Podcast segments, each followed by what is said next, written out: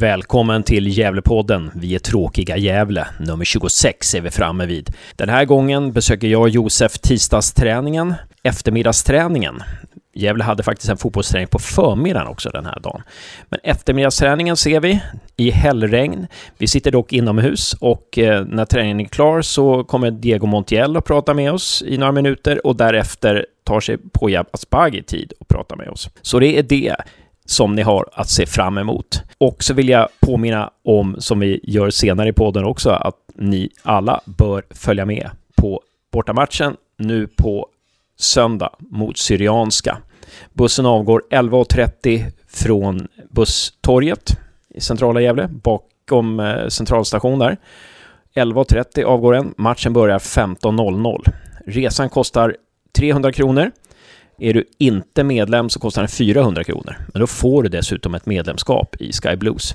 Så att gå in på Carrick-läktaren på Facebook och anmäl dig på stört. Hoppas du ska tycka att podden är rolig och intressant. Och tycker du inte det så kan du höra av dig på Gävlepodden snabela gmail.com. Ja, men det var väl allt. Trevlig lyssning!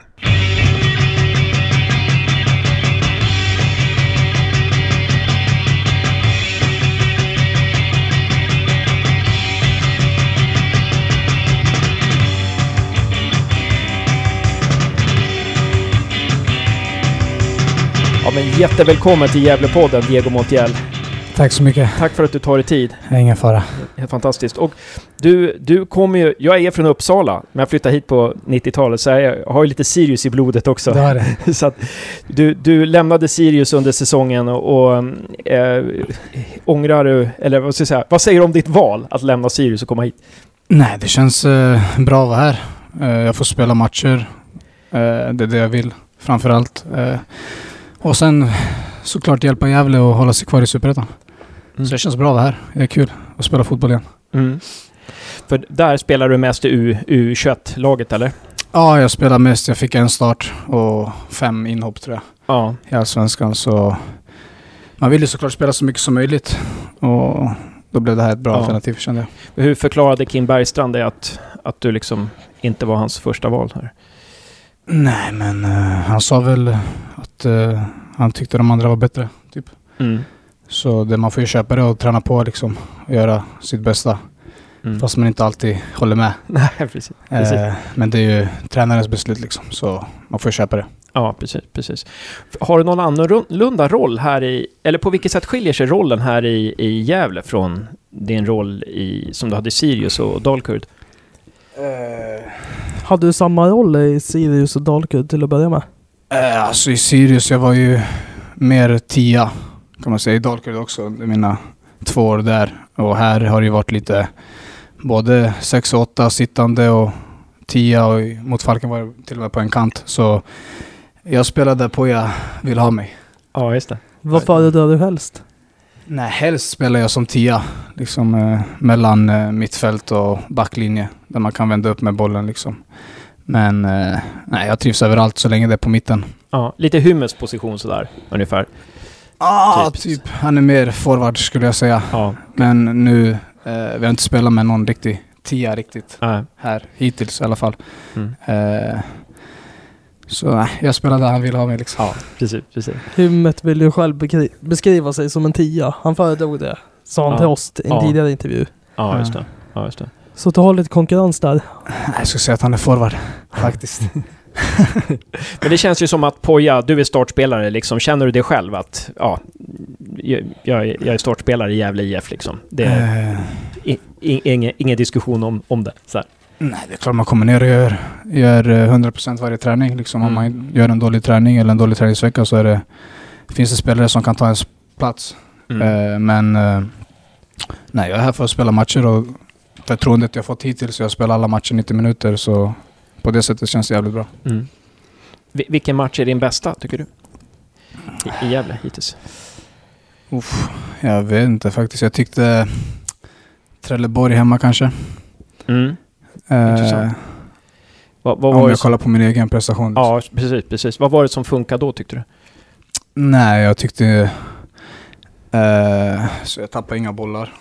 Eh, jag har varit lite slarvig i de senaste matcherna i onödiga situationer. Eh, men just den matchen kändes det jävligt bra. Allt klickade och med alla liksom med Krall bra uppspel på vänsterkanten och det kändes Mm. bra bara. Men jag tycker jag har varit bra ändå.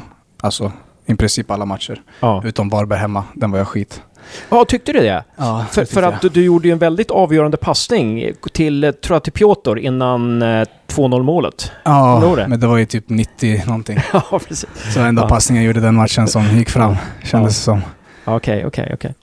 Men, men du, du säger att du... Ja, hade du Nej, kör på Nej, men- alltså. Nej, men du säger så här att du har varit lite slarvig sådär, men, eh, men är inte det att din spelstil, att du spelar, spelar med lite små marginaler sådär, är inte det din grej? Jo, det är lite min grej, men man måste lära sig att göra det där uppe i banan och inte kanske på egen planhalva som det händer ibland. Nej. Men det är någonting jag måste jobba med och slipa bort. Har Poja pratat med dig om det eller? Ja, vi snackar hela tiden jag och Poja. Eh, så han säger typ bara, var noggrann i, på defensiv planhalva och gör i princip vad du vill på offensiv planhalva. Liksom. Mm. Mm. Ehm, Ja, jag hade en liten fråga. Vad din reflektion över Dalkurdsmatchen? Eh, ja, jag tycker att eh, vi förtjänar minst en poäng. Vi kanske till och med förtjänar att vinna matchen. Uh, stundtals rullar vi ut dem alltså, riktigt ordentligt. Jag har inte sett Dalkurd springa efter bollen så mycket. Sen, eh, ja, sen Dalkurd någonsin. De har alltid de rullat på. bildades. Ja, exakt. Eh, så jag är jävligt eh, nöjd med grabbarnas eh, prestation och ja, min egen också faktiskt. Synd att vi torskade den matchen bara. Det har väl varit lite så i år att det är många matcher när jag har rullat ut andra lagen men de har ändå vunnit. Och sen finns det också enskilda matcher där jag kommer tillbaka från underläge. Lite...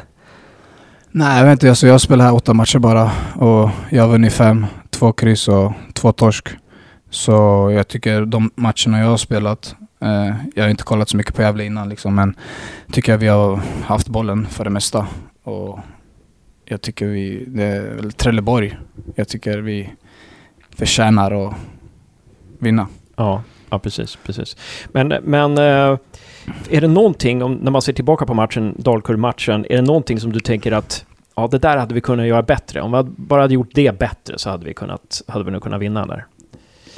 Men det är väl deras mål kanske. Ja, Eh, vi vet ju att de är, så fort de får ett läge så är det farligt liksom. De fick Mm. två lägen på oss och gjorde ett mål. mm, Eh, men det är ju, vad ska man säga, det, det är ändå Dalkurd liksom. De Mm. leder serien. ja. Det är det bästa laget i Superettan. Det är ett bra Mm. allsvenskt lag skulle jag säga. Mm. Så torska mot Dalkurd hemma, det är ingen skam med 1-0. Och på sättet vi gör det. Vi rullar faktiskt ut dem. Ja, Eh, Gävle har gått från ett lag som i princip bara slagit långbollar hela Ja, tiden precis. till att rulla ut Dalkurd hemma. ja. Så nej, man, man kan inte vara besviken efter en sån här match. nej, nej, precis. Och hur ser du på att vara en del av det här nya Gävle? Eh, jag tycker det är jävligt kul. Eh, visa ja, Gävle-folket här att eh, Gävle kan spela en bra och underhållande fotboll. Eh, jag är jävligt glad att vara här och jag ska göra allt jag kan för att hjälpa Gävle att vara kvar i Superettan. Mm. Är det någonting som ni behöver bli bättre på? Är det någonting som ni jobbar med nu som att eh, ja, det, här, det här måste vi vässa lite nu inför de sista sex matcherna eller vad det är? Ja, jag tycker att eh, försvarsspelet är bra. Eh, uppspelen är bra, men vi måste bli vassare eh, i sista tredjedelen i boxen. Eh, framförallt jag, men även eh, ja, alla som är i boxen. Vi måste bli... Vi har ju ganska bra lägen mot Dalkurd som Mm. vi borde göra mål på liksom. Mm. Så det är något vi måste träna extra på. Mm. Du som har spelat i Dalkurd och Poja som har tränat Dalkurd. Hade, ni, hade ni enkelt att scouta dem? Ni vet, borde veta hur de spelar nästan till... Ja, Poja var ju där alltså nyligen liksom. Så han vet ju i princip allt om dem och jag känner ju alla i laget, spelar med dem också så man vet ju att Dalkurd kommer hit och kommer vara Dalkurd. De kommer inte ändra sig så mycket. Nej. För de ser ju sig själva som så pass mycket bättre än alla lag. Så vi visste att de skulle spela treback och ja, försöka vinna bollen i havet och skapa chanser på det sättet. Liksom. Mm. Hur är det att möta de man känner så här? Blir det mycket tråkningar? Så här? Nej, det blir väl extra psykningar kanske. Mm. Eh, nej, det är kul. Ja. Och man vill ju... Det är roligare att slå folk man känner än Ja. folk Ja, man inte känner. Men sen också lite här att du säger att Dalkurd alltid ser sig som de största och de bästa. Och du Mm. spelat i Dalkurd och ni har haft en vinnande kultur. Hur skapar man den här vinnande kulturen? Den här Eh. auran som gör att vi är bäst. Nej, men man har väl en grupp framförallt som tror på det de gör och eh, man går in varje träning för att, för att vinna liksom. I Dalkurd när vi körde smålagsspel och ett lag förlorade då det laget var helt tokiga liksom. Så på det sättet eh, skulle jag säga att här i Gävle har vi mycket att förbättra liksom. Eh, man ska alltid vilja vinna oavsett om det är träning eller match. Mm. Och eh, jag tror det ja, har tagit Dalkurd till där de är idag liksom. Sirius då? Har de, om du jämför dem med Dalkurds Mm. mentalitet eh, att man alltid ska vinna. Har de, Mm. har de det just nu? Eller när du Ah. var där? Nej, ja, ja, vi körde ju alltså, där var ju alla, alla ville vinna hela tiden annars, det var ju som Dalkurd, det blir kaos liksom. Men eh, ja, nu har de ju fyra torsk, eh, Sirius och ja, jag vet inte om det är så just nu kanske. Nej, just det. det har gått dåligt sedan du lämnade. tror du, tror du att, att de skulle önska att du var där nu? Med tanke på skador och... Ja, det tror jag faktiskt. Mm. Eh, men jag är här och jag är glad att Ja. vara här. Precis, och vi är glada att du är här. Tack. Eh, du, du, du gör ju några, alltså du, du måste ju vara en av de mest tekniska spelare som har spelat i Gävle IF, alltså det, du, är, du är helt grym. Ehm, eh, så det, det är ju helt otroligt. Ehm, ehm, du, du, gjorde en, du gjorde en snygg grej, eller en av många snygga grejer eh, i en bortamatch. Jag vet inte vilken det var här nu då. Jo, det var mot Falkenberg borta före något mål när du spelade, du spelade en lyra över en spelare och så sprang förbi och tog den på andra sidan där. Ja, jag kommer ihåg i första halvlek. Ja, Ja, Det, var, det var en bra grej. ja, det var snyggt. Ja. Ibland händer det. Ja, Var det på offensiv planhalva? Offensiv Ja. Eller jag tror mitten kanske. Men jag drev upp den till offensiv efter att jag chippat den här van. ja, ja just det. Ehm, men, ehm, men så här, om, tror du att om ni hade mött Dalkurd och ni också hade varit topplag, tror du att Tror du att ni hade spelat, tror du att eh, det hade varit större chans att ni hade vunnit matchen då? Kan det vara lite så när ni ligger där ni ligger, är det då större risk att man åker på de här liksom, att man åker på däng mot topplagen, att man känner det på något vis att, Ja, kanske. Man kanske blir lite mer nervös när man tänker oh shit, vi måste ta den här poängen nu. Men eh, nej, jag tror ändå att hade vi varit ett topplag och kanske hade haft mer självförtroende. Men nu hade- kom vi ändå från tre raka segrar liksom så så jag vet inte riktigt vad jag ska säga, men jag tror Nej. att det hade varit en likadan match. Ja. Det kändes som det var två topplag som Ja. mötte varandra. precis, Faktiskt. det är sant. Men är inte det här första gången du är i situationen att du spelar i ett lag som slåss lite för sin överlevnad? Nej, jag har faktiskt... Eh, jag var i BP ett tag och när jag bestämde mig för att spela A-lagsfotboll så blev det Västerås i tre månader. Och de låg också sist, men vi lyckades Mm. hålla oss kvar i sista matchen. Okej. Så det är andra gången jag är Ja, i det. ett sånt här skede. Precis, precis. Ja, då vet du vad som gäller så här. Exakt. Ehm, vi ska Vad är snart... det som gäller då? Vinna matcher. Okej, ja. Eh, vi ska snart avsluta, ehm, för eh, vi ska lämna plats för din tränare som står här bakom. Yes. Ehm, men men ehm, eh, du har ju spelat i Superettan förut och Sy- Syrianska väntar nu på söndag. Vad, vad måste man tänka på mot Syrianska? Uff, det är en, en tuff bortamatch. Eh, Kommer ihåg förra säsongen med Dalkurd så var vi där på en träningsmatch och rörde knappt bollen på 90 minuter. Så det är ett lag som kan lira boll liksom och vi vann med uddamålet båda gångerna 2-1 så det är ingen lätt match, absolut inte. Eh, vi måste gå dit och ja, få ner dem i banan, vända spel högt och ja, inte vara så stressade med bollen och spela ut dem helt Mm. enkelt. Ja, just det. Vad, vad blir det för skillnad i ert spel nu när Bayram kan vara med på söndag? Eh, Vi får ju en, eh, en boxspelare, en, en målgörare liksom som det är alltid viktigt. Han har gjort vad är det, sex mål på fem matcher. Det är hur bra som helst och ja, han saknades i en match mot Dalkurd. Mm. Men eh, det är kul att ha tillbaka han i, på plan. Ja, precis, precis. Ja, men suveränt. Är det någonting du vill tillägga, Diego, som du känner att eh, det, det där borde ni ha frågat om? Nej, nej. Ni har frågat allt tycker jag. Ja. Ni har gjort ett bra jobb. Ja, tack ska du ha. Tack själv. Ja, men supertack för att du ställde upp. Tack så Lycka till på söndag nu. Tack själva.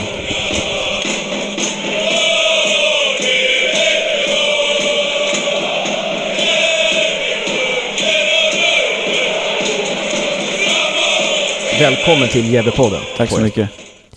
Och vi, vi har lite frågor så här, eh, bullat upp med lite frågor. Ska vi, och man får nästan säga grattis till trots förlusten. Ja, det låter konstigt. Otroligt bra spel. Ja. Ja. Det var eh, fantastiskt. Ja, jag Eh, förstår vad du menar. Ja. Absolut.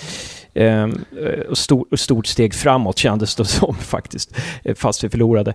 Ehm, men om du skulle jämföra, var det någonting som eh, var det någonting som Dalkurd gjorde som inte var riktigt förväntat? Nej, jag måste väl säga att det var en sån här match där allt bara blev exakt som man hade tänkt sig. Och hoppats på till och med. Ja, förutom resultatet då.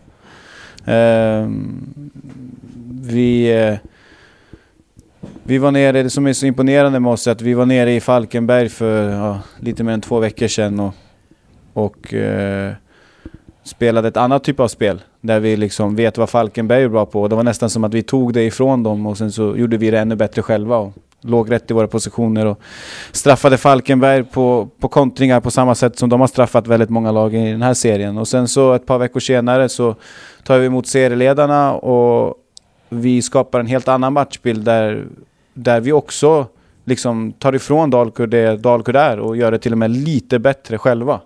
Eh, och en helt motsatt sak då eh, än vad vi gjorde i Falkenberg. Det vill säga, vi ville ha boll eh, så mycket som möjligt och låta liksom bollen göra jobbet. Och med ett fantastiskt pressspel och med bra positioner och framförallt bra bollbehandling så, så gör vi en väldigt jämn fotbollsmatch.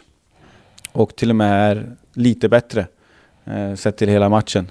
Eh, även om vi inte vinner. Och det tycker jag är sjukt imponerande med ett lag. Att de kan se så olika ut på två veckor men ändå vara lika bra fast i olika avseenden. Mm. Mm. Ja, det är fantastiskt. Fascinerande. Fascinerande alltså. Är det någonting som du är mindre nöjd med? Om man ska eh, gräva lite där. Jag har ju tittat på den här matchen ganska många gånger och försökt verkligen analysera själva prestationen. Och det, det som gör att vi inte vinner matchen är ju kanske då att det är, inte, det är en jävligt tight fotbollsmatch. Och om det är något lag som ska vinna den så är det ju med 1-0. Det är inte någon match när de ska vinna med 3-2. Det skapas väldigt lite klara målchanser på det sättet. Eh, Men vi har ju de klar, klaraste. Eh, Och om man tittar på de situationerna så är det väl kanske inte så bra som vi vet att vi kan göra med en sista passning eller med ett sista beslut när man ska ta Mm. skottet eller, Mm. eller ett sista avslut i ett friläge. Det blev de små detaljerna som blev avgörande. Mm. Eh, Tyvärr till våran nackdel då. Ja, just det. Kan- man bara säga ja det var oskicklighet eller otur eller kan man säga att ja, det beror på att vi ligger där vi ligger? Eller vad beror det på att vi inte, liksom den där sista touchen inte Det är lite tillfälligheter skulle jag vilja säga. Eh, och sen, jag menar någon annan match så, så sitter det liksom, eller ja, tvärtom. Men det är, man får bara jobba vidare och försöka skapa så mycket förutsättningar som möjligt för att få lika bra läge nästa match. Och då sitter förhoppningsvis någon till och så vidare. Utan någon djupare analys än så är det inte för att det, det var en väldigt bra fotbollsmatch både defensivt eh, och eh, offensivt. Sen, Eh, en av de absolut bästa jag har sett oss göra. sen gjorde väl Frank Pettersson en väldigt bra match. Ja. Och därför det offensiva stannade av lite grann.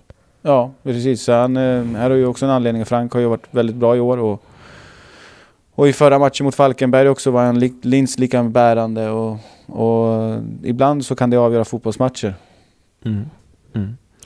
Vi var, jag och Josef, vi satt i bilen och snackade, vi var lite nyfikna på hur, när, när, ni, när det har gått en sån här match, liksom, hur, när börjar du arbeta med matchen? Och hur, hur arbetar du med din analys av matchen? Och hur, hur lång tid tar det och sådär? Men man börjar ju arbeta med nästa match redan direkt efter föregående match.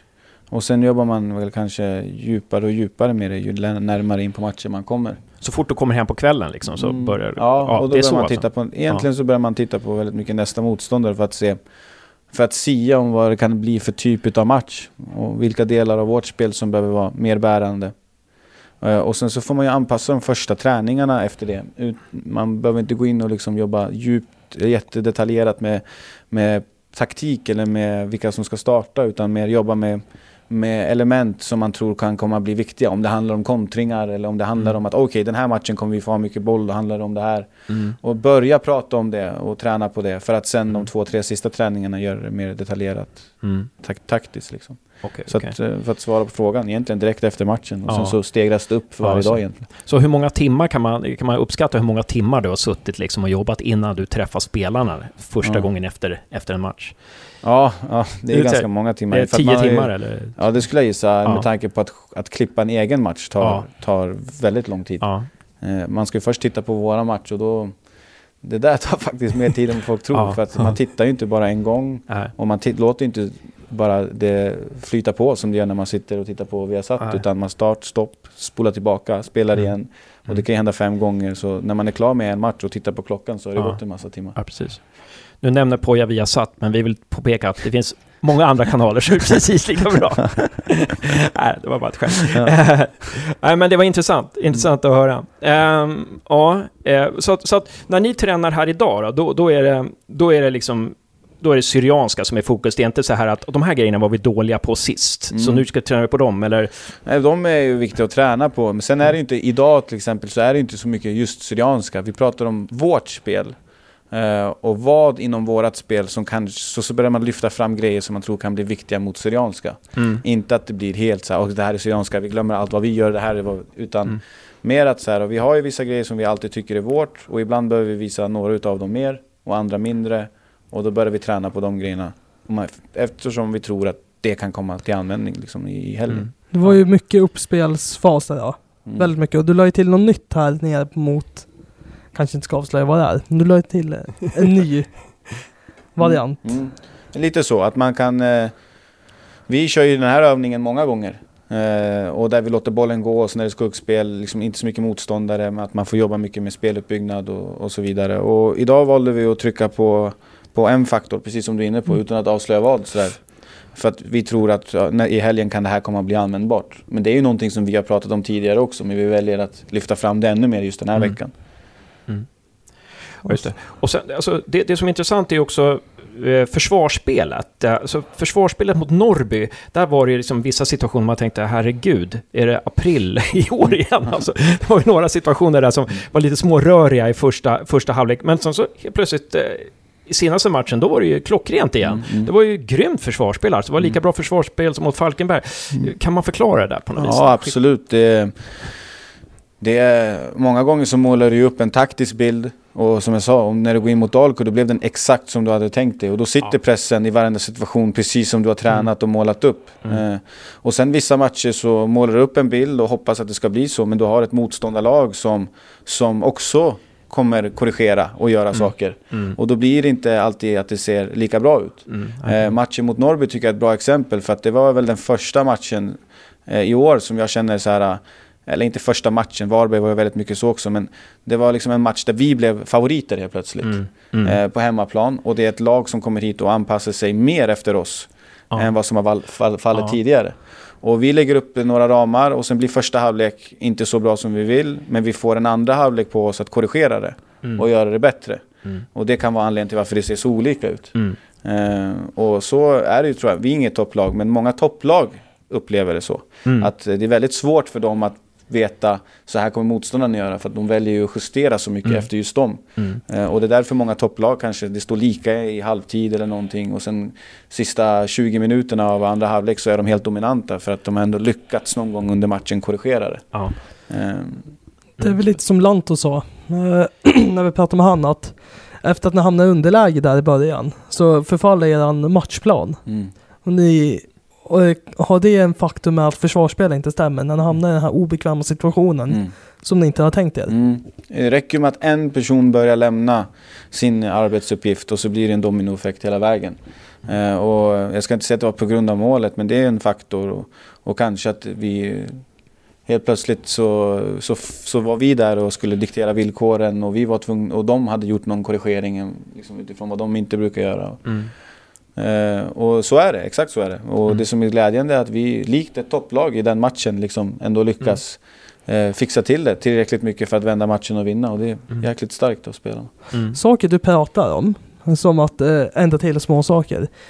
Kan en vanlig person se det på läktaren eller är det så här en coachmatch mellan de två som står där på sidlinjen. Ja, det beror på vad det är för match tror jag och beroende på kunskapen på den som sitter på läktaren. Men, Vi ska inte nämna Jag- på några, några coachnamn här. men eh, jag tror att eh, många gånger så kan det vara lite djupare än vad, hur folk hur det uppfattas upp, utifrån. Eh, att för många utifrån kan det ju vara så enkelt som att ja men titta han, han gjorde ju mål senaste matchen eller han var, vann alla bollar på mitten senaste matchen och nu får han bara spela 15 minuter eller varför byter de ut honom och varför ändrar de inte taktiskt och sånt där. Men många gånger så gör man det fast man bara byter spelartyp och så ger det en helt annan effekt Ja. eh, och så vidare. Och det tror jag inte alltid är lätt för folk runt omkring att Ja. känna igen. Sen finns det såklart väldigt kunnigt folk som tittar och de kan Mm. ofta sätta mer Mm. fingret på, Ja, på. Vad som händer ibland. Ja, just det. Som oss Hasse. Ja, jag precis. precis lyfta fram mer. Han tittar på dig där. Nej, men, eh, men, ehm, ja, men bra. Sen så, Igor har ju spelat lite mer nu Mm. på slutet också. Eh, beror det på att vi behöver en spelare som Igor nu? Eller beror det på att han har liksom kommit in i vårt sätt att spela? Liksom? Både och. Mm. Ehm, han har ju kommit in i det mer och mer, det liksom Sverige också, och svensk Mm. fotboll och vårt sätt. Och sen drogs han ju tyvärr av en, en liten skada, ljumsken, som höll honom borta längre än vad han skulle kanske varit. Eh, och sen kom han tillbaka till en match där vi kände att nu behöver vi verkligen dig. För att det handlade så jäkla mycket i den här senaste matchen om att vinna mittfältet. Eh, eh, och egentligen skapa ett numerärt övertag där. Och hans spelaregenskaper blev väldigt viktiga utifrån del bollvinst men sen också bekvämlighet med boll. Och med facit i hand så blev det ju riktigt bra att han spelade den, just den här Mm. matchen. Han, han visade att han, han har någonting att ge här, Mm. definitivt. Mm. Det ser ut på träningarna också som att han är mycket mer bekväm på träningarna. Mm. Och, alltså, han är verkligen bra på träningarna. Absolut. Så att, ehm, ehm, ja men bra. Sta- Josef sitter... Ja. Ja, status Portin Gusman. Ja, Gusman eh, tränar ju utan avbrott nu och, och ser ju bättre och bättre ut för varje träning och u match som han får spela. Eh, så där är inga konstigheter. Eh, där går det planenligt. Och Jens har ju problem med sin vad nu och tränar inte idag heller. Så vi får vara lite försiktiga och se hur det går för honom. Men Mm. förhoppningsvis är det inte någonting som håller honom borta för länge. Vi satt ju länge och kollade, vad fan är Adam? Vart är Ljungberg? Mm. Stod och tittade länge, bara har de också blivit skadade? Och sen helt plötsligt så upptäcker vi att Adam är med på sista övningen. Mm. Och även Ljungberg. Mm. Mm. Ja, vi har många tillgängliga, många friska och det, det är hård konkurrens just nu. Mm. eh, Om, I och med att alla som spelar matcherna kommer från bra prestationer. Ja. Spelar ingen roll om de spelade mot Dalkurd eller Mm. om de spelade mot eh, Norrby i andra halvleken där eller om de spelar mot Falkenberg så, Mm. Så har de gjort rätt för sig och det ger oss tränare lite huvudbry. Ja, just det. Och det skulle du ta upp alltså. Ja, just det. Det, det var ju, alltså, det, vi hade två grejer där. Det, dels det här med att det är jäkla hårt, hårt, eh, det är hårt spel. Vi såg Piotr låg ett tag, eh, Kralj låg ett tag. Florén låg ett tag. Florén låg ett tag sådär. Um, eh, Men att du har en sån bred trupp, du har 20 man så att du kan spela 10 mot 10 på träningarna. Även när eh, en normal startspelare, eller Portin. är borta, Alltså- ja, Portin är borta. Vi har inte, vi har inte, om man skulle titta på svensk elitfotbolls alla lag så har ju vi inte bredare trupp än något elitlag skulle jag tro. Eh, utan det här, det antalet som vi är är ganska normalt. Mm. Jag tror att det lag, antalet vi var under slutet av året var ett onormalt antal. Mm. Väldigt få. Mm. Eh, men det som gör att vi har så slagkraftig trupp nu det är inte antalet spelare som vi har totalt sett i truppen. Det är att alla är friska. Mm. Det är det som är nyckeln för många. Att man kan prata hur mycket som helst om antal i trupp men Mm. kan du behålla så många som möjligt fräscha och friska Mm. så får du mycket bättre förutsättningar. Och det ska man inte ta för givet. Att vi har gått nu ett par veckor och haft en väldigt skadefri trupp. Mm. Eh, och det, det är inte tillfälligheter och det är inte tur. Utan det är ganska noggrant arbete från, ja, framförallt i, i vårat stall liksom med Johan Holmström och, och Elin och, och har en bra, god dialog med oss och vi planerar varje spelares vecka ganska ordentligt för att det ska vara så. Mm. Ja, precis, precis. Eh, ja, men det känns ju jättebra liksom. Fara, vilket, vilket högt tempo. Alltså det, det känns som att det var... Man hade inte kunnat gissa sig till... Kom man utifrån hade man inte kunnat gissa sig till vilken som var startelvan riktigt idag. Det var väldigt bra. Båda, båda tiorna var bra liksom. Ja, så vill vi att det ska vara. Otroligt bra. Ehm, och nu väntar ju Syrianska då. Och eh, vi, vi ska inte ge motståndarna så mycket, så mycket eh, fördelar där. Så här. Men, men det är ett lag som slåss med oss där nere. Är det någon skillnad med, med att möta ett lag som slåss där nere för sitt liv mot att möta ett topplag? Ja, alltså båda, jag tror det är inte som att Syrianska kommer kämpa mer än vad, än vad Dalkurd kämpade i matchen senast. De båda är lika motiverade av att vara kvar i Superettan och att gå upp till Allsvenskan. Mm. Eh, det är inte det. Däremot så blir det ju så att det är ju lite det här klyschiga sexpoängsmatchen. Utan Ja.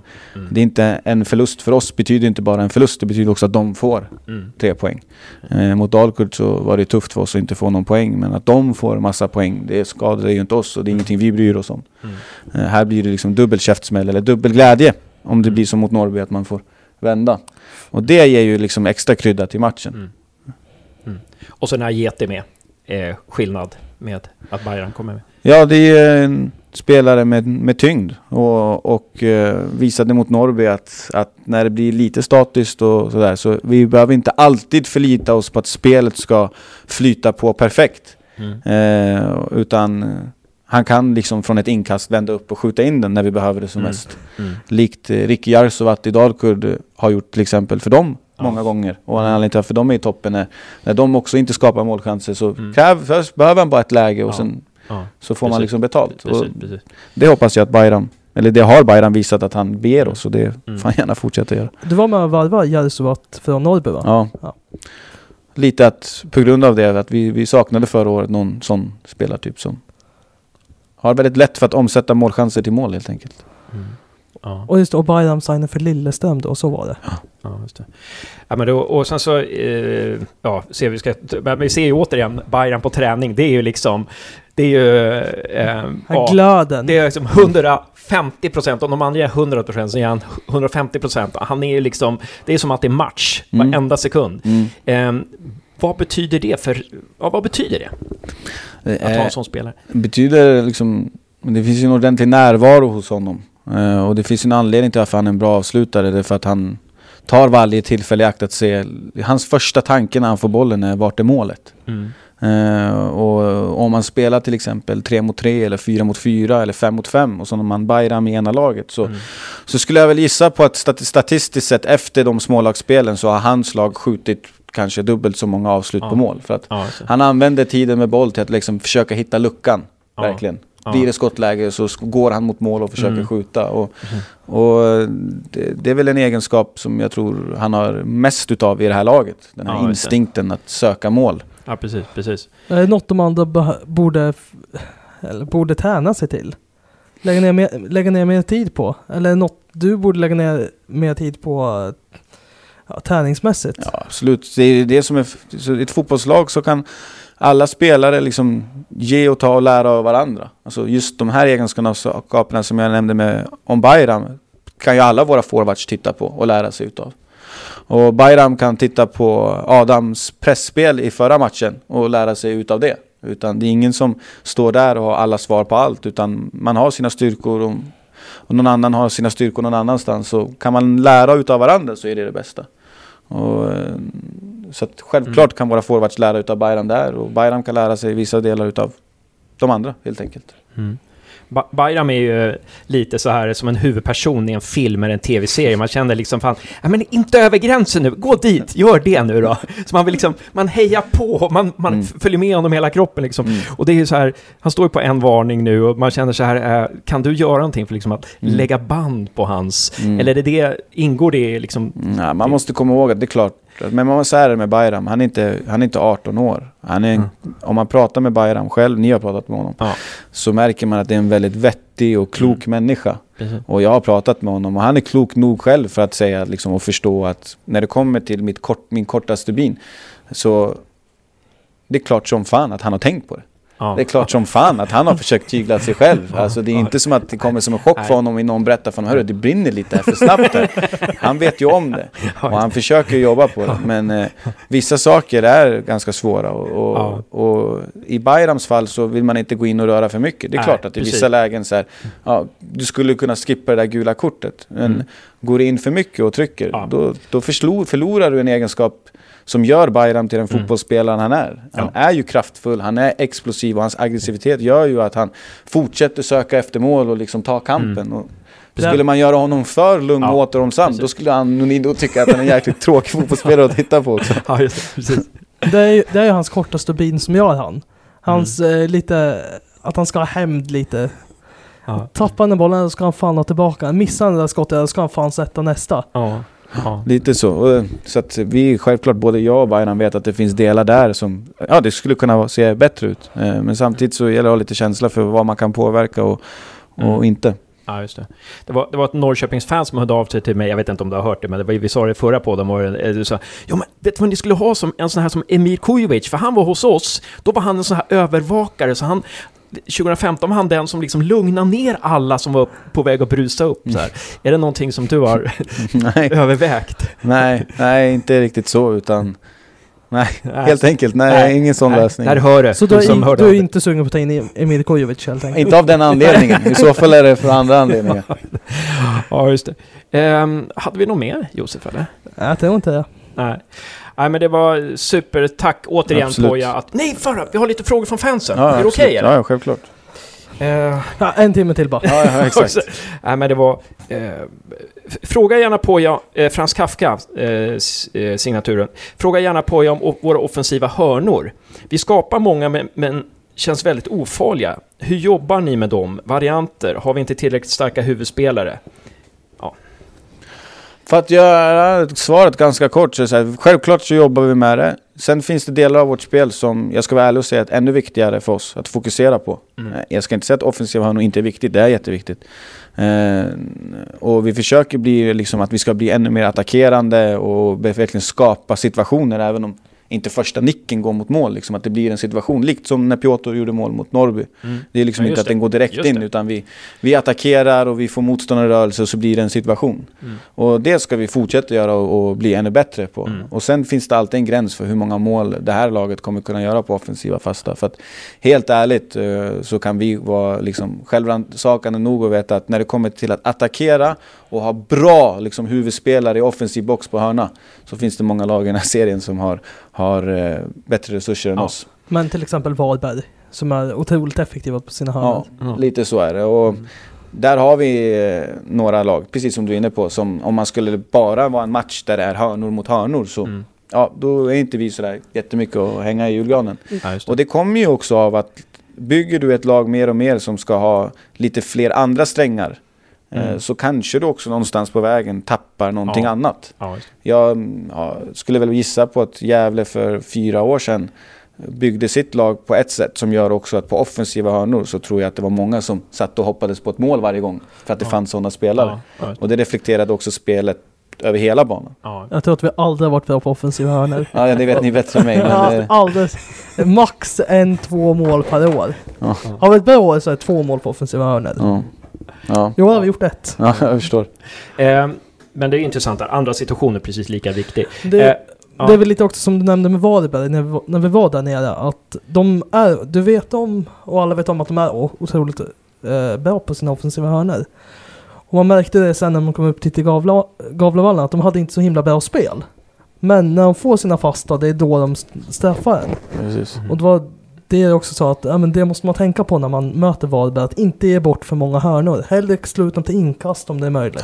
Ja, absolut. Och eh, inte ta på sig en onödig frispark liksom, när de Nej. är felvända i offensiv tredjedel. Att Nej, vara lite försiktig för att man vet att det här är någonting de letar efter. Ja. Eh, ja. En till. Eh, fråga också om Poja tycker Lanto i nuvarande form är den bästa centrala mittfältaren i Superettan. Från vem? Från, det är också från Frans Kafka. Eh, Jag kan säga så här, det finns många bra centrala mittfältare i Superettan. Och säga att han är bäst, det, jag kan säga så här att han eh, har visat att han är en väldigt bra central mittfältare på den här nivån. Mm. Och han eh, var inte så här bra, tycker jag, central mittfältare för några månader sedan. Han var inte lika bekväm med bollen i de positionerna, inte som spelare utan i de positionerna. Det var alltid ett tillslag mer än vad han använder nu. Mm. Och eh, det har han utvecklat och samtidigt, framförallt det jag är mest imponerad av är hans balansroll på Mm. mitten. Är att han verkligen agerar balans. Mm. Han är den som håller ihop backlinje med övriga spelare på ett Mm. väldigt, väldigt smart sätt. Det Mm. finns många gånger när vi spelar boll framåt här, sista tredjedelen på plan. Där många tror jag står och tittar på den som har bollen Ja. och, och inläggsläget eller insticksläget eller och ser, okej ska Gävle göra mål? Och när jag själv står och tittar på vad Lanto gör Ja. så kan jag ibland få gåshud för att jag tänker så här, wow vad du har verkligen tagit kliv här. Ja. Han liksom håller ihop laget på ett sätt som är otroligt imponerande. Mm. Och fortsätter han med det här, Mm. liksom eh, utveckla de här två bitarna som jag nämner liksom i samma utsträckning som han har utvecklat hittills, ja Mm. då kan han definitivt vara den absolut bästa i den här serien. Ja. Det, Ja. men det är en process. När du var Dalkurd-tränare, vad hade du för syn på Jonas Lantto då? Jag ska vara helt ärlig och säga att jag inte hade så jättebra insyn i Gävle överlag. Vi har ju aldrig spelat på samma... Jag tittar på Allsvenskan då och då Ja. det var kanske inte alltid Gävle jag tittade Du kunde inte välja Gävle. Ja, det är så Det roliga fotbollen vi ställer upp med. Ja. Nej men det är klart jag såg Gävle och sådär men Ja. inte sådär så att jag Nej. kan säga att jag hade stenkoll på land. Just det. Sen hälsar Frans Kafka också att, att, han, att du, är en, du är kung och ett taktiskt geni. Ja tack Frans Kafka, det var snällt. Eh, och sen så, eh, J- eh, Varg-Lars s- frågar, finns det något lag idag som förkroppsligar dina idéer om hur Gävle ska spela på sikt? Han skriver, jag fattar att inget lag kanske helt speglar dina idéer, men kul i så fall att höra om element från olika lag som särskilt inspirerar dig. Världen över antagligen. Ja. Ehm. Oj, svårt. Vi har ingen, jag har ingen lag sådär som man tänker såhär, de här vill man ju så här. Men det finns ju lag som jag, och så här vill jag göra med Gävle. Det är en, dels, jag kan säga lag som jag själv fascineras väldigt mycket Ja. utav. Men det behöver inte nödvändigtvis betyda att jag försöker överföra alla delar till vårt lag. Ja. Eh, Men om man frågar mig vad jag personligen Ja. tycker om att titta på för lag så kan jag Ja. väl säga att det är laget som är absolut mest underhållande att titta på i hela världen. Är Napoli. Okej. Och okej. Inte för att det är mitt favoritlag men, men den fotbollen de har bedrivit de senaste två åren är för mig det absolut roligaste att titta på. Så roligt. Vad kul! Vilket uh, uh, överraskande svar. Vilket är favoritlaget då? Det är Inter Milan. Och det, All right. All right. det har att göra med långt tillbaka i historien. Roberto Baggio var min absoluta favoritspelare Ah, när jag var yngre. okej. Och när han bytte till Inter så bytte jag bytte liksom favoritlag efter honom. Ja, men sen till slut någon gång där 1998 när han bytte till eh, Inter, om det var då, så, och han lämnade sen så var jag kvar. Ja, just det. Så Inter slog väl ut Barcelona med Zlatan, va? Var det inte så? Nej, det var utan Zlatan. Utan Var det utan Zlatan? Okej. Och det stämmer att Baggio spelar i Inter 98, för på Fifa 99 spelar han. Ja, du har koll. Ja, det har jag koll på. Ja, precis. Ehm, just det, ska vi se här. Um, ja, så, här, är, det här är lite så här lite edgy fråga, men Mm. du får väl, du får väl liksom svara eller så bara lägger du ner micken och går. Ehm, är det medveten taktik slash strategi att vid omställning från kant till kant vänta in övriga laget istället för att utmana och gå djupt in mot straffområdet? Känslan är att jag tycker det nästan ser ut som en direkt order att vänta in istället för att utmana. Mm, nej, utan mer att eh, vi pratar om att har man ett omställningsläge så ska vi göra allt vad vi kan för att se till så att motståndarna inte hinner hem. Med löpningar och med att ta fram bollen och inte göra det så enkelt för motståndarna. Eh, och sen så gäller det på, i, på samma sätt att veta när man inte har lyckats med det här. Det vill säga vi får ett omställningsläge och vi gör allt vad vi kan för att det är tre mot tre och vi, vi gör allt vad vi kan för att Mm. behålla det åtminstone tre mot tre. Mm. Men en dålig första touch, en, en, en dålig passning som går en meter längre bak än vad man ville Mm. gör att ja, omställningsläget börjar försvinna. Där vill vi liksom fort, kunna skilja på, så här, det gick inte vägen här. Mm. Och veta vad behöver vi nu? Är det fortfarande att vi ska gå på genombrott? Okej. Eller är det att vi ska Mm. använda det här som vi ändå har lyckats med? Vi, ändå, vi ka- skapar ingen målchans med den här kontringen, men vi vann 40 meter. Mm. Och kan nu välja att bedriva vår speluppbyggnad utanför motståndarens straffområde istället för utanför vårat. Och vi vill kunna vara jäkligt bra på att försöka göra allt vad vi kan för att skapa mål, eller göra mål eller skapa en målchans vid en omställning. Men vara minst lika duktiga på att veta när det inte har gått vägen Mm. och då välja att liksom Mm. etablera spel så högt upp i banan. Lite belöningssystem som amerikansk fotboll. På något Ja, sätt. Utveckla. Eh, att man, att man av att en, en, bra, en bra boll i amerikansk fotboll kan ju vara att man har vunnit några meter. Exakt. Lite, precis så. Det är en bra liknelse. Att eh, när man kommer, man kanske slår en cross över från eh, Anton Lantz på mittbacken ner på högerkanten där Piotr är. Mm. Och sen kanske Piotr inte kan ja, sticka direkt ner mot flanken och slå ett inlägg. Mm. Men bara på den crossen som man vunnit 40 meter eller vad det Mm. är. Och i och med det kan man etablera ett spel högre upp i banan. Mm. Exakt så. Och det är lite liksom vårt tankesätt att vi vill inte, vi säger det många gånger att eh, när vi vinner boll och har ett bra omställningsläge så är definitivt inte vår första tanke att behålla bollen inom laget. Vi vill ju inte bedriva en speluppbyggnad Nej. mot 11 spelare. Nej. Väljer vi att ha anfall mot 3-4 spelare då gör vi allt vad vi kan för att behålla det minst så. Mm. Eh, men när vi inte lyckas, vilket händer många gånger, Mm. då måste man veta så här, okej nu har de hunnit hem. eh, Men vad vill, liksom, vad vill vi göra nu? Jo, vi vill behålla bollen så högt upp som möjligt. Mm. Eh, Men det behöver inte innebära någon nackdel i och med att visst, om man slår en boll långt, eh, spelaren stannar upp. Då är oftast, eh, ja, Gävle, kommer ju de oftast rusande med fart. Mm, Det borde man också kunna utnyttja på massa olika sätt. mm, ja, exakt så. Mm. Så att, eh, ja, det där är en process. Där man, eh, när jag kom så var det ju var, var det definitivt en vilja av att gå i djupled när Ja. vi vinner boll i omställningar.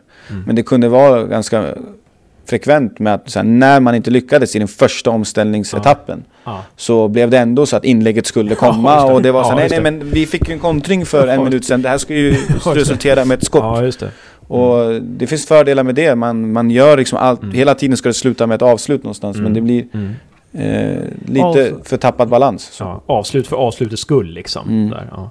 Oremål var det förresten, eh, signaturen som har skrivit. Jag eh, vi, ska, vi ska sluta här. Jag ska bara, en tanke som jag, bara, spännande tanke jag hade under sin senaste match mot Dalkurd. Det var liksom hur, hur jag är, är fast i de här gamla Gävle-normerna. För jag, när, liksom, när, när ni bedrev speluppbyggnad på egen planhalva och Dalkurd pressade hårt, det var liksom, men tjonga iväg bollen nu då! Mm. Och det var ju liksom, nej det gick ju bra utan att Ja. tjonga iväg bollen. Ja, jag tror att det där är...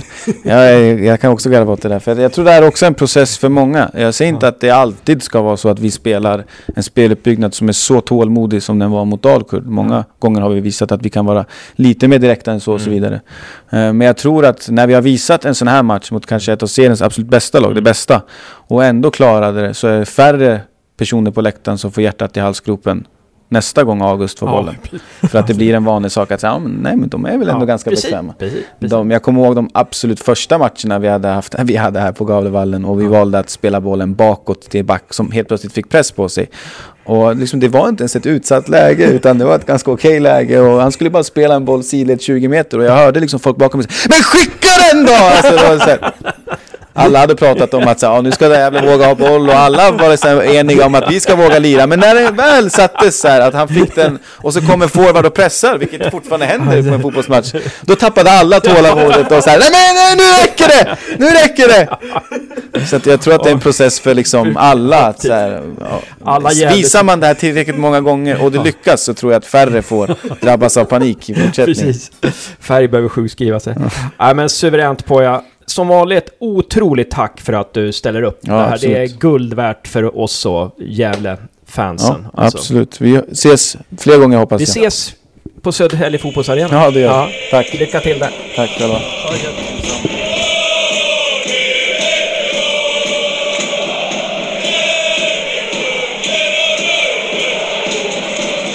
Här sitter vi och ska snacka ner, snacka av avsnitt 26.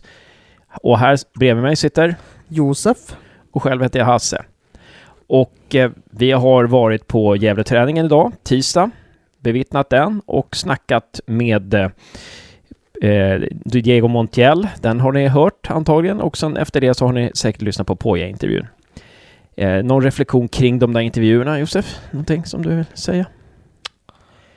Vi hade ju inte tänkt prata med Diego, utan vi trodde vi skulle prata med Piotr, så vi hade laddat upp lite där, men det blev ju jättebra med Diego. Han var lättpratad och trevlig och eh, det var kul faktiskt. Vi, det var ju så här att vi hade ju velat prata med Diego förra gången och då blev det, då blev det någonting. Då kanske vi inte åkte upp. de hade dit. inte träning. De hade inte träning då, nej precis. Så det var, det var kanske, det var därför vi pratade med Diego den här gången. Och det var roligt, för det var en ny spelare. Vi har ju aldrig snackat med honom. Det var Väldigt trevlig, väldigt öppen av sig. ja, som snackar med Poja och eh, det är fantastiskt liksom hur mycket tid han lägger på oss. Vi hade, du hade ju smsat honom och sagt att vi, vi, det, du behöver bara stanna på en kort intervju den här gången, för vi tänkte att eh, vi har upp, uppehållit honom så himla länge. Men han, han pratar på där och det är himla, himla roligt. Verkligen en förmån att vi får snacka med honom då och då och höra hans syn på saker och ting. Och han är alltid lika trevlig och öppen. Ja. Alltid lika glad och tillmötesgående. Ja. Och lägger alltid till saker och ting. Det är, eh, han, han, det, det är väldigt intressanta saker han har att säga hela tiden. Eh, man vet aldrig vad han ska säga och han, han är väldigt analytisk tycker jag och har väldigt eh, spännande åsikter. Ehm, ja, eh, det var det. Vi var på träningen som sagt och de intervjuerna har ni hört. Eh, vi vill uppmana er att eh, gå in på Carrick-läktaren på Facebook och anmäla er till söndagens match mot Syrianska. Sky Blues anordnar resan till eh, Södertälje fotbollsarena på söndag eh, och bussen går 11.30 från eh, busstorget. Gick det inte 9.30? Nej, 11.30 går, är det från, från Gävle central, Hamntorget, alltså busstorget. Och så blir det ett kort, äh, kortare stopp i Stora Väsby. Och sen så är vi där i eh, Södertälje i god tid före match. Matchen startar klockan 15.00. Så gå in på Facebook och det är otroligt lätt att anmäla sig. Till och med jag klarade av det. Och Syrianska har idag gått ut med att det är fri entré till matchen. Okej, okay, spännande. det är bara att eh, betala bussresa. Ja, det är även för bortasupportrar i entré. Jag antar det. Ja. Annars blir jag riktigt förbannad nu när Ja. jag sett den här nyheten. ja, just det. Men kan inte du ta... Kan, är det tweeten du såg eller? Ja. Ja. Kan inte du svara på den? Ta, kan inte du fråga på den där tweeten? Så får vi se om vi hinner få svar medan vi sitter här och snackar. Det skulle vara intressant. Ja, det kan Eh, jag. om, om du eh, svarar på deras tweet där och frågar eh, om det gäller bortasupportrar också från Gävle så ska jag säga någonting om eh, Gävle IFs damlag som redan har säkrat segern, seriesegern i division 2 södra Norrland. Det var ju så att Klara Engstrand var ju fem mål efter Therese Westin i skytteligan där. Och det är en spännande kamp där som försiggår i toppen av skytteligan. Innan förra omgången, i förrgår, eh, den omgången, eh, näst sista omgången i serien, så ledde Therese Westin alltså med 26 mål före Klara Engstrand på 21 mål. Men då så var det så att Gävle IF slog Selånger borta med 6-0 och Klara Engstrand gjorde fem mål i den matchen. Samtidigt så mötte Sandvikens IF Hille och förlorade med 2-3. Där gjorde Therese Westin noll mål. Vilket betyder att nu är det alltså lika.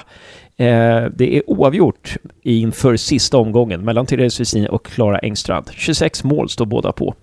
Det ska bli jädrans spännande att följa den kampen. Och vill ni följa den live så uppmanar jag er att dagen innan vi möter Syrianska, alltså nu på lördag den 23 nionde så uppmanar jag er att gå till Gavlevallen eller cykla eller åka bil eller buss eller någonting eh, och se Gävle IF mot Hille. Det är sista seriematchen och där kan alltså Klara Engstrand säkra skytteliga-segern.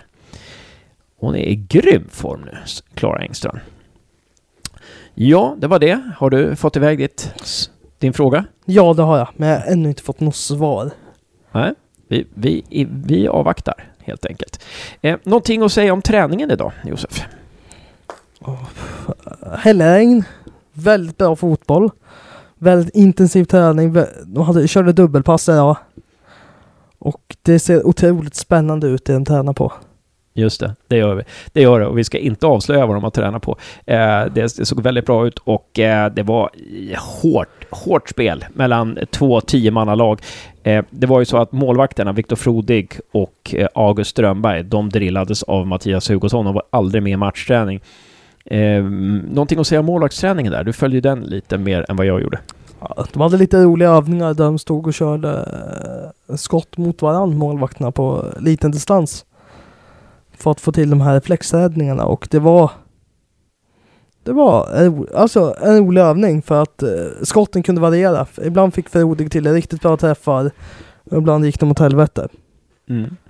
Precis. Det var både skottträning, eh, eh, utsparksträning och eh, räddningsträning, eller vad man ska säga. Då. Eh, det såg ut att vara roliga övningar, kreativa övningar. Och eh, som sagt, och Gävle IF hade ju tränat på förmiddagen då. Hade väl tränat gym då på förmiddagen va?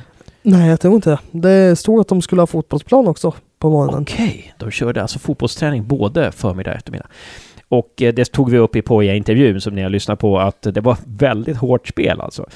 Eh, och eh, Kralj låg ett tag där, fick en smäll av, av Makodele. Eh, som han bad om ursäkt för. Eh, Piotr fick också en smäll, jag såg inte av vem, eh, och blev liggande ett långt tag. Jag tänkte herregud, hur ska det här gå? Och det som förvånade mig var att det var så många som spelade utan benskydd. Uh, det förvånar inte mig. För Nej, okej. det är jättevanligt att man spelar och tränar, framförallt tränar utan benskydd. Det är Okej. jätte, jättevanligt att folk gör. Varför gör man det? Jag har aldrig riktigt förstått det här grejen varför man tränar utan benskydd. Men det är att man kan få bättre toucher med bollen utan att det är någonting som står ut för knät. Men, eh, men eh, sen spelar man ju match med benskydd. Bör man inte liksom träna som man, Jag som tror- man spelar match? Jag tror om man tränar upp sin teknik tillräckligt utan så, så gör det varken till eller från sen på match. Okej. Jag tyckte det såg lite farligt ut bara för att det var en jädra hård, hårt spel alltså på träningen. Det var verkligen det var matchtempo alltså. Och match... Eh, det, var ingen som höll igen alltså. Matchliknande situationer hela tiden. Någon som imponerade på träningen tyckte du? Jag tyckte, Igor var väldigt framfusig. Jag ty, tyckte inte han gjorde ett fel nästan på träningen. Jag, jag vill säga Gussman ändå bara för att Just det. han var tillbaka. Precis, nu är Gusman tillbaka i full träning eh, och ja, han ser bra ut alltså. Det där, det, det där kommer bli en mittback att, eh, som, som är i startelvan nästa år, det är jag rätt säker på. Och sen så, eh, ja, Ajeti är ju härlig att se alltså. Det är full, full satsning. Det är match. Han, han, han behandlar träning som match alltså. Han ska göra mål. Han ska ha bollen. Ehm, han vill inte veta om några dåliga passningar eller dåliga beslut, utan det, jag tycker det är härligt. Jag Ja, är håller med. Det är Bayram en energisk person som visade sitt kroppsspråk som kanske inte många andra gör. Uh, vad mer kunde man ta från dagens träning? Eh, Ja, det var... det var inte så mycket vi mer kan avslöja från dagens träning skulle jag säga. Nej, precis. Vi, vi, vi, låter, det, vi låter det stanna vid, vid det där. Vi ska väl snacka om Dalkurd-matchen tycker jag. Ja, det kan vi göra lite. Eh, eh, Och- en sur förlust i en match som vi gör väldigt bra. Jag som var den enda utav oss två som såg hela 90 minuter. ja, som var på plats. Jag satt i, jag var ju på Comic Con då och eh, gick till Kista centrum och satt där och såg matchen. Um, och eh, ja, det var nervöst som tusan. Men eh, imponerad över Gävle och imponerad av att andra halvlek eh, blir ännu bättre än första. Det är, det är verkligen, här har vi någonting att bygga på. Nu gäller det bara att, nu är vi där nere i skiten igen alltså. Eh, I och med att Norrby vann och Syrianska vann så är det så jädra getingbo. Det är bara att hoppas att vi håller huvudet kallt och att vi kan få med oss de resultat som vi förtjänar med det här spelet. Men även i det här fallet, om vi skulle hamna på kval, så är jag väldigt svårt att se att något lag skulle slå oss i två matcher. Mm. Ja, det, var, det är ju det att man, kval hade man ju tagit eh, för, Alla dagar i veckan. Ja, för fem, sex omgångar sedan var ju kval en dröm, men nu tycker man ju att nej, vad fara, nu ska vi nu ska vi hamna topp åtta. Lite sådär. Så att eh, det är väl då där att man höjer, man höjer ribban hela tiden. Nej, men, men vi har snackat så mycket om, om, om eh, Dalkurd-matchen tycker jag eh, i intervjuerna. Men är det någonting att lägga till? Någon, någon, som vill, någon spelare du vill hålla fram eller? Alltså i sådana fall vill jag väl hålla fram Frank Pettersson i Dalkurd som gör en otroligt bra match. Annars, eh, yttrarna är bra. Jag tyckte väl Igor kunde ha varit bättre. Men det kändes som att han inte riktigt hade kommit in i det. Många fel. Han kunde inte ge två raka rätt. Utan bara, en, han kunde göra en bra touch, sen kunde han bli av med bollen eller något sånt där. Eh, det var min åsikt kring hans insats. Eh, sen, eh, synd att hur målet hamnar. Det är ju jävla synd att man blir så straffad. straffade. Men vad kan man förvänta sig av de här topplagen? Eh, hålla fram, ja men det är ju också att, du, som du säger, det är ju en bra match. Det, vi gör ju en bra match och det är ju ännu en gång att hade någon, hade någon sagt att vi var värda att slå Dalkurd, hade någon sagt att vi skulle ha den chansen vid omgång 10 då hade man ju, hade man ju skrattat åt det. För så utspelade och utskåpade vi blev på Domnarsvallen var det värsta jag har sett. Ja, och nu var det vi, alltså stundtals var det bättre laget. Det Ja, jag tycker vi var det bättre lag över 90 minuter. mm. Ja, precis. Och eh, dock ser man ju att truppen är lite tunn sådär. Liksom, såhär vi har en tunn spets som man säger så. När, när Ljungberg och Ajeti var borta så, så kändes det väl lite sådär att eh, vi hade inte hur mycket som helst att byta in med från bänken. Då. Men eh, så kan man väl också säga att Dalkurd är det första lag som nollar oss, som tar alla sex poängen mot oss i den här serien. Eh, de lag vi har mött två gånger av- har vi alla, mot, alla de lag har vi tagit poäng mot. Så är det. Ehm, och så kommer det vara även efter söndagsmatchen. ehm, eftersom vi vann mot Syrianska förra gången. Ehm, förhoppningsvis gör vi det igen. Och eh, ja, det är, bara, det är bara att hoppas att eh, så många som möjligt nu hänger på, stöttar Pojas mannar på söndag på Södertälje fotbollsarena. Det, vi, det, vi kommer skapa jättebra stämning och vi kommer få se fin fotboll. Det kan jag lova redan nu från Gävle IF. Ja.